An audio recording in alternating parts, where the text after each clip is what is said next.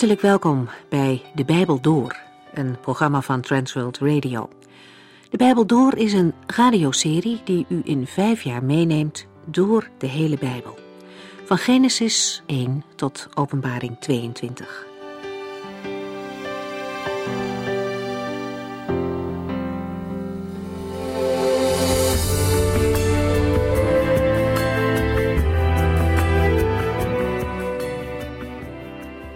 Lezen vandaag verder uit het eerste hoofdstuk van het Bijbelboek Nahum.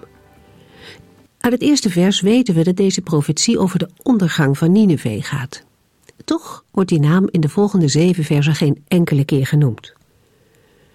Hoewel de profetie allereerst betekenis voor Nineveh heeft, zit er toch ook een diepere laag in.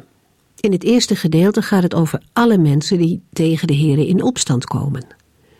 Die tegenstanders uiten hun woede bewust, maar ook vaak onbewust, op de oogappel van de Heere God, zijn volk Israël. Dat was al zo in de tijd van het Oude Testament en dat is nu nog steeds zo. In de eerste verse van het boek Nahum valt op dat de Heere in het visioen van Nahum alles overheersend aanwezig is en wordt genoemd. Zijn macht en zijn majesteit zijn ongeëvenaard. Nahum gebruikt een aantal beelden uit de schepping om het beeld van de oppermachtige Heere dichterbij te brengen en duidelijk te maken dat niets tegen hem bestand is. De profeet tekent in een paar lijnen het ontembare geweld van de kracht van wervelwinden en stormen die alles omverblazen. In vers 5 zien we dat. Het is ook duidelijk een vooruitblik op het eindoordeel van de Heere. De aarde beeft en raakt uit haar evenwicht. Haar bewoners worden vernietigd. En in het volgende vers stelt de profeet een retorische vraag. Wie kan stand houden tegen deze wrekende God? Het is goed om dat ook in onze tijd, waarin het eindoordeel nog moet komen, niet te vergeten. Wij hebben ook te maken met dezelfde grote God. Hij is erg geduldig. Hij stelt het oordeel nog uit en verdraagt zijn vijanden. Maar het mag niet worden uitgelegd als machteloosheid van God, alsof hij niet sterk genoeg zou zijn. Het betekent ook niet dat het oordeel niet zal komen. Het is Gods genade dat hij nog wacht met zijn oordeel, zodat mensen de toevlucht tot hem kunnen nemen. Wie zijn vertrouwen op de Heere stelt, vindt in hem een helper en een schuilplaats. Wij gaan verder met de laatste verse van het eerste hoofdstuk van het Bijbelboek Nahum.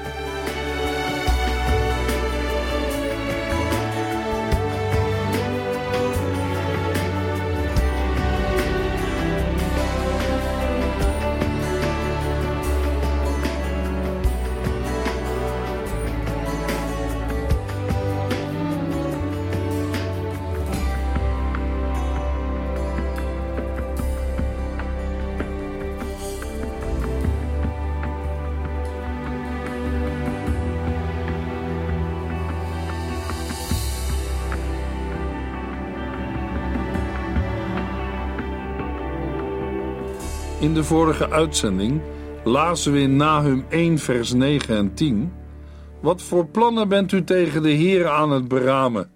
Hij zal er in één klap een eind aan maken. Hij zal geen tweede keer tegen u hoeven op te treden.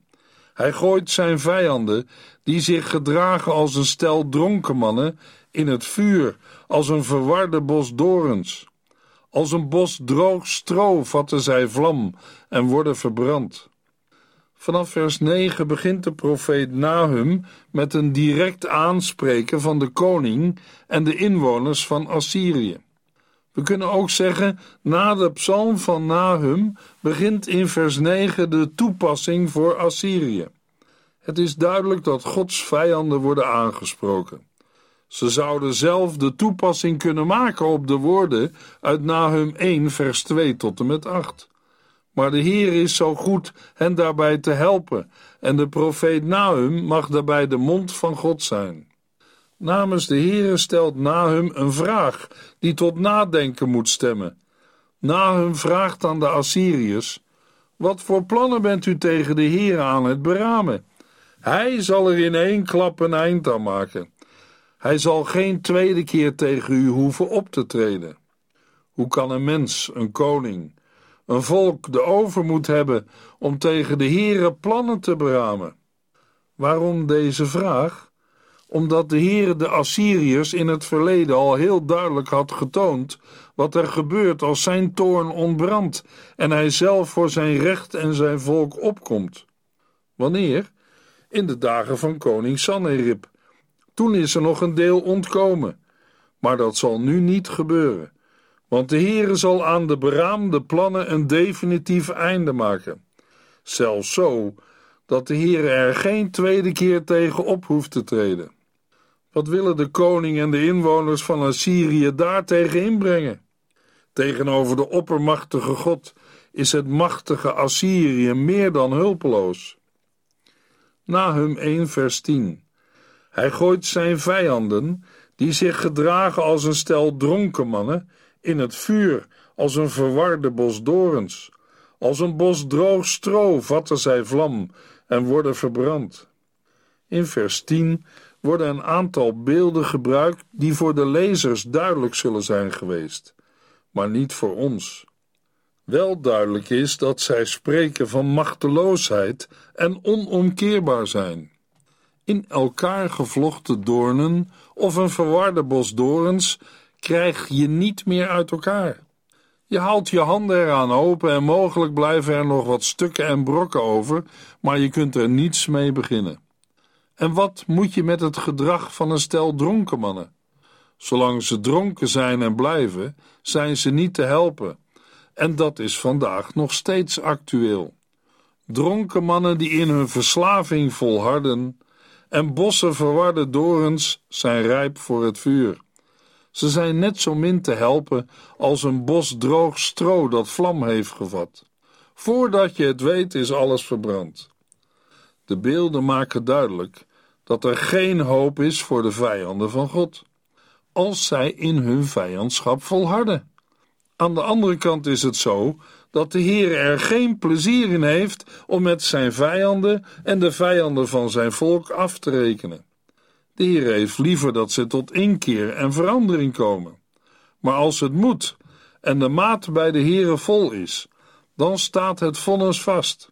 Geen mens, geen koning en geen enkel volk kan een loopje met de Heere nemen. Luisteraar, bent u een vriend of een vijand van God? Als u nog een vijand van de Heere bent, is het goed om de woorden en beelden van het Bijbelboek Nahum op u te laten inwerken. Met alle respect voor uw persoonlijke mening en met alle liefde van mijn hart wil ik u zeggen: blijf niet volharden in uw vijandschap tegen de Heere. Hij is de schepper van hemel en aarde. Hij is de God van Israël en de God en Vader van de Heer Jezus Christus. Door op gespannen voet met Hem te leven, werkt u zichzelf in een situatie waaruit tenslotte geen redding meer mogelijk is. Net als die doornen die zich steeds meer in elkaar strengelen, en net als die dronken man die steeds meer gaat drinken.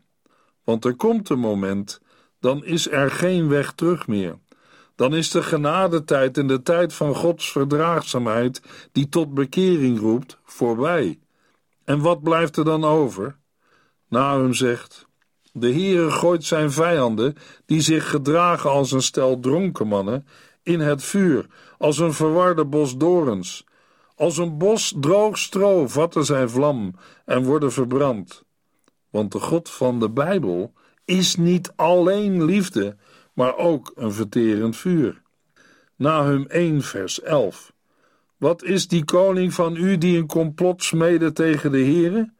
Wat is dat voor een man die zulke boze plannen beraamt? In een andere vertaling lezen we in vers 11: Uit u is iemand voortgekomen die kwaad bedenkt tegen de Heere, een verderfelijke raadsman. Het ergste kwaad van Gods vijanden is dat zij geluisterd hebben naar een verderfelijke raadsman, iemand die een complot smedde tegen de Heere. Concreet kunnen wij bij deze woorden aan Sanherib denken, maar ook aan iedere andere koning van Assyrië, die het op het volk en de stad van God heeft gemunt. In de Hebreeuwse tekst lezen we voor verderfelijke raadsman een raadsman als Belial. De naam Belial komen we tegen in 2 Korintiërs 6 vers 15. Welke overeenstemming is er tussen Christus en Belial? Of welk deel heeft een gelovige samen met een ongelovige? In het boek lezen we: wat voor overeenkomst is er tussen Christus en de duivel? En wat voor gemeenschappelijks heeft een gelovige met iemand die niets van Christus wil weten? Het Hebreeuwse woord Belial betekent niets waard. In het Oude Testament wordt het woord nog niet als eigennaam gebruikt. Pas in de Joodse geschriften van na het Oude Testament wordt Belial gebruikt als aanduiding van een individu en wordt het een eigennaam die doorgaans betrekking heeft op de duivel of Satan. In 2 Korintiërs 6 vers 15 moeten we de eigenaam Belial opvatten als een aanduiding van de duivel. Sommige Bijbeluitleggers beweren dat de uitdrukking de mens van zeer grote zonde of de zoon van het verderf in 2 Thessalonicense 2 vers 3 ook verband houdt met de naam Belial als aanduiding van de antichrist. Kortom, de naam Belial betekent zoiets als nietsnut, een handlanger van de boze en soms de boze, de duivel zelf. In Nineveh hebben ze ruimte geboden aan de raadsman van de duivel, die erop uit is God van zijn eer te beroven en Gods volk naar de ondergang te leiden.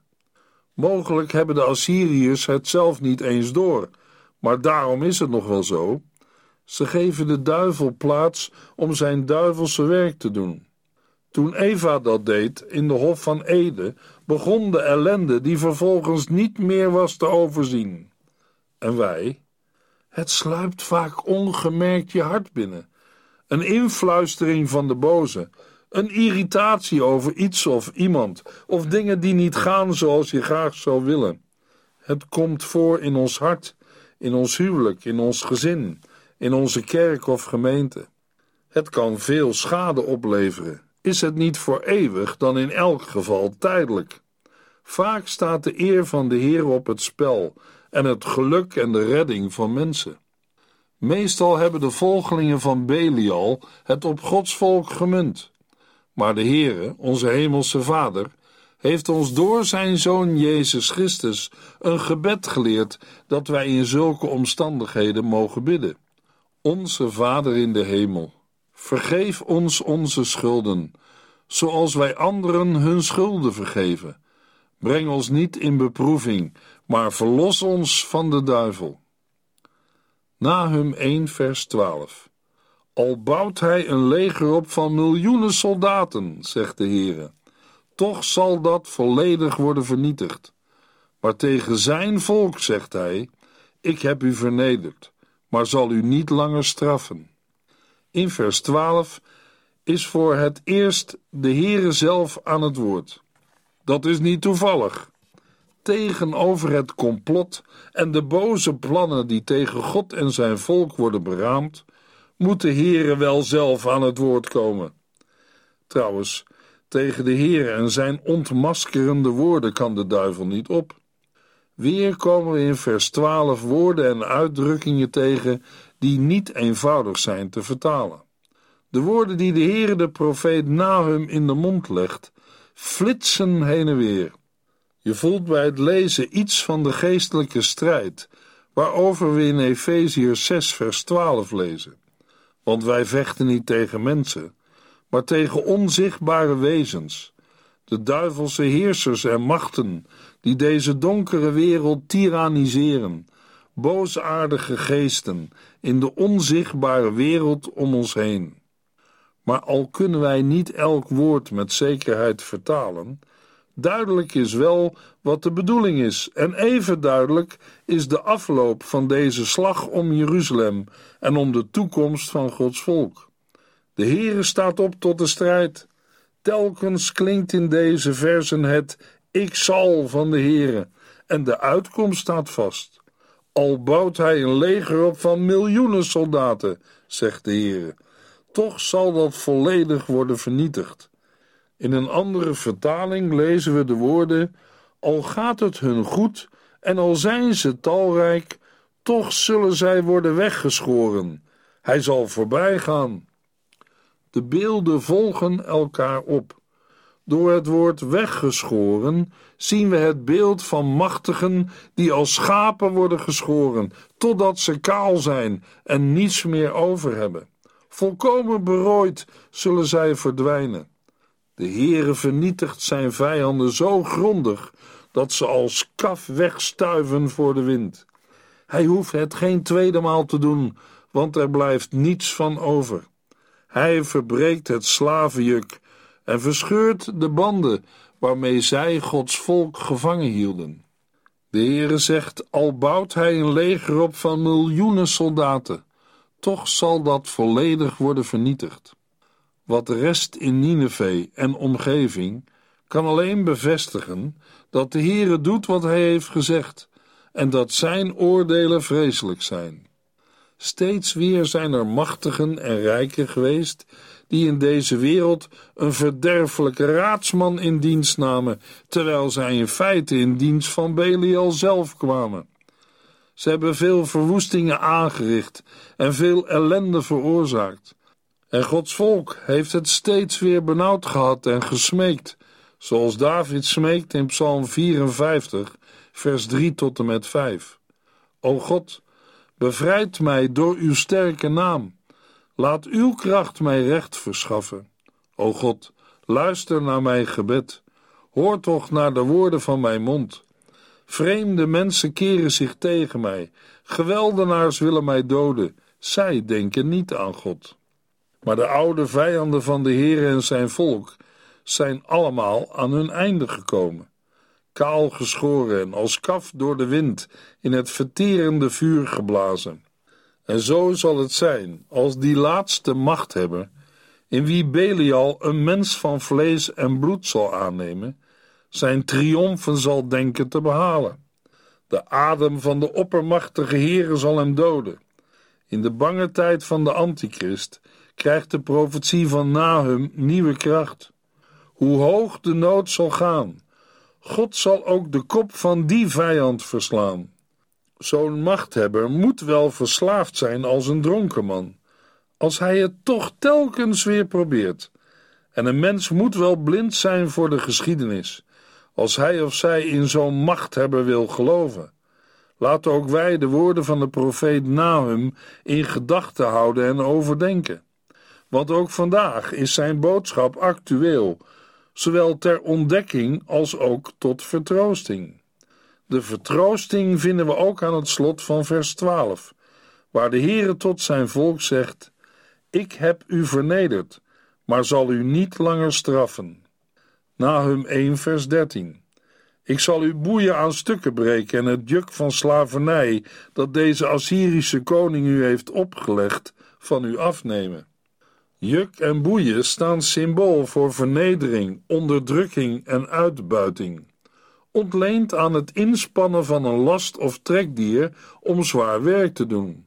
Het juk van slavernij is het juk van deze Assyrische koning. In de Bijbel lezen we drie maal over een invasie van Sanherib, namelijk in 2 Koningen 18 en 19, in 2 Kronieken 32 en ook in Jesaja 36 en 37. We lezen in de historische verslagen dat Sanherib zijn opperbevelhebber met een grote Assyrische strijdmacht naar Jeruzalem stuurde. We hebben al eerder gelezen dat de opperbevelhebber koning Hiskia van Juda bedreigde, waardoor Hiskia erg bang werd. Het is voor ons goed om nog eens stil te staan bij hoe koning Hiskia in zo'n situatie handelde. Daarvoor moeten we terug naar 2 Koningen 19. Nadat de drie afgevaardigden van koning Hiskia in gescheurde kleren de woorden van de Assyrische opperbevelhebber hebben gerapporteerd, scheurt ook de koning zijn kleren. Hij trekt rouwkleding aan en gaat naar de tempel. Hiskia kiest niet voor gewone wapens, maar voor verootmoediging en gebed. We lezen in 2 Koningen 19, vers 1 tot en met 7. Na hun verslag te hebben aangehoord, scheurde koning Hiskia zijn kleren, trok rouwkleding aan en ging naar de tempel om te bidden. Daarna beval hij Eljakim, Sepna en enkele van de oudere priesters ook rouwkleding aan te trekken en met de volgende boodschap naar de profeet Jezaja, de zoon van Amos, te gaan. Koning Hiskia zegt: Dit is een dag van benauwdheid, belediging en vernedering. Het is net als wanneer een kind klaar is om te worden geboren, maar de moeder geen kracht heeft om het ter wereld te brengen. Toch heeft de Heere uw God misschien gehoord hoe de opperbevelhebber de levende God beledigde, en zal hij hem daarvoor straffen. Bid voor ons die nog zijn overgebleven. De dienaren van koning Hiskia brachten deze boodschap aan Jezaja over. Jezaja antwoordde: De Heere zegt: Maak u geen zorgen over de woorden waarmee deze Assyriërs mij hebben beledigd. Ik zorg ervoor dat een geest de koning van Assyrië influistert dat er slecht nieuws van thuis is. Hij zal dan besluiten terug te keren. Ik zal ervoor zorgen dat hij thuis een gewelddadige dood sterft. In het vervolg lezen we in 2 Koningen 19 dat alles precies zo verloopt zoals Jezaja namens de Heer had gezegd. Toch kreeg Hiskia nog een boodschap van Sanherib voordat hij vertrok om zich te verdedigen tegen koning Tirhaka van Ethiopië. Hiskia gaat met de brief naar de tempel en legt de brief neer voor de Heer. 2 Koningen 19, vers 14 tot en met 19. Hiskia nam de brief van de bode aan, las hem, ging naar de tempel en legde hem voor de Heere neer.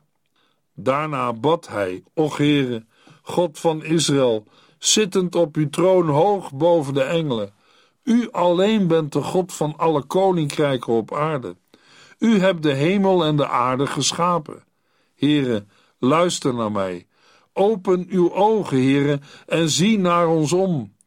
Luister naar de manier waarop Sanherib de levende God beledigt.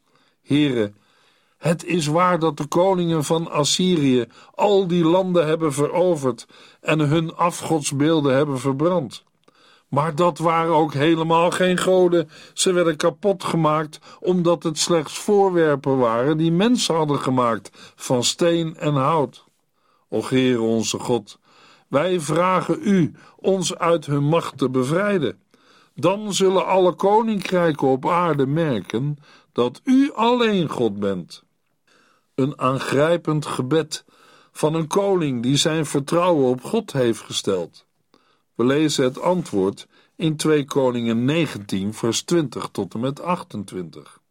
Toen stuurde Jezaja, de zoon van Amos, de volgende boodschap aan Hiskia. De Heere, de God van Israël, zegt: Ik heb uw gebed om hulp tegen koning Sanherib van Assyrië gehoord. Dit is mijn antwoord aan koning Sanherib. De maagdelijke dochter van Sion is niet bang voor u. De dochter van Jeruzalem veracht en bespot u. Wie hebt u beledigd en belasterd? En tegenover wie hebt u zich zo arrogant gedragen? Het is de heilige van Israël. U hebt mij beledigd en bij monden van uw boodschappers gezegd: Mijn strijdwagens hebben de hoogste bergen veroverd, zelfs de toppen van de Libanon.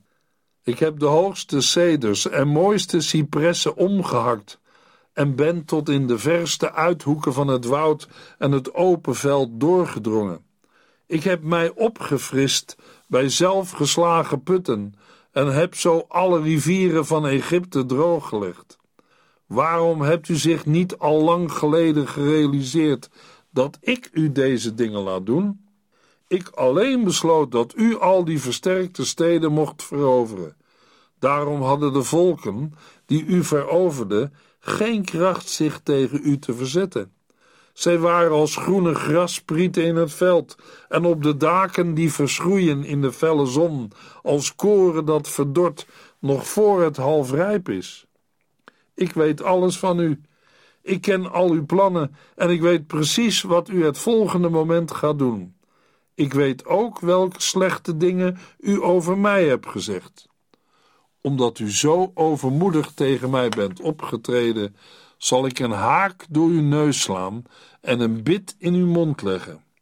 Daarmee zal ik u laten wenden en u terugsturen op de weg die u bent gekomen. In 2 Koningen 19 vers 35 tot en met 37 volgt dan Diezelfde nacht doodde de engel van de Heere 185.000 man van het Assyrische leger. En de volgende morgen lag de hele omgeving vol met lijken. Koning Sanherib keerde daarop terug naar Nineveh en hij kwam nooit meer terug. Terwijl hij zich op een keer in aanbidding neerboog in de tempel van zijn god Nisroch, werd hij door zijn zonen Adrammelech en Sarezer gedood. Ze vluchtten naar het oostelijk deel van het land Ararat en zijn zoon Ezar Hadon volgde hem op.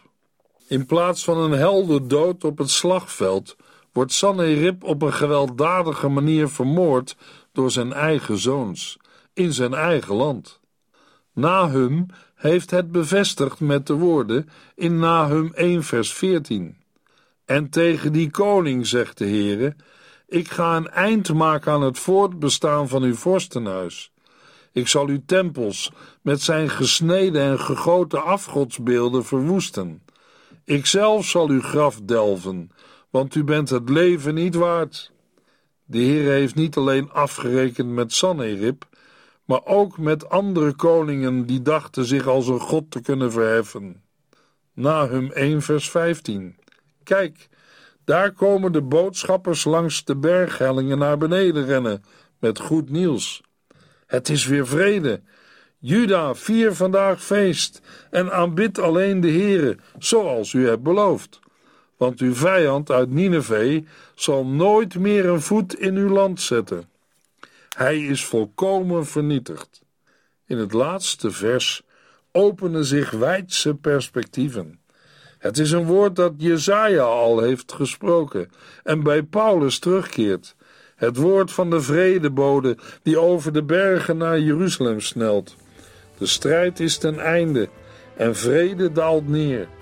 Zo zal het ook straks zijn, als de Heer Jezus Christus terugkomt op de wolken van de hemel. Zult u in zijn vrede delen? In de volgende uitzending lezen we Nahum 2, vers 1 tot en met 4.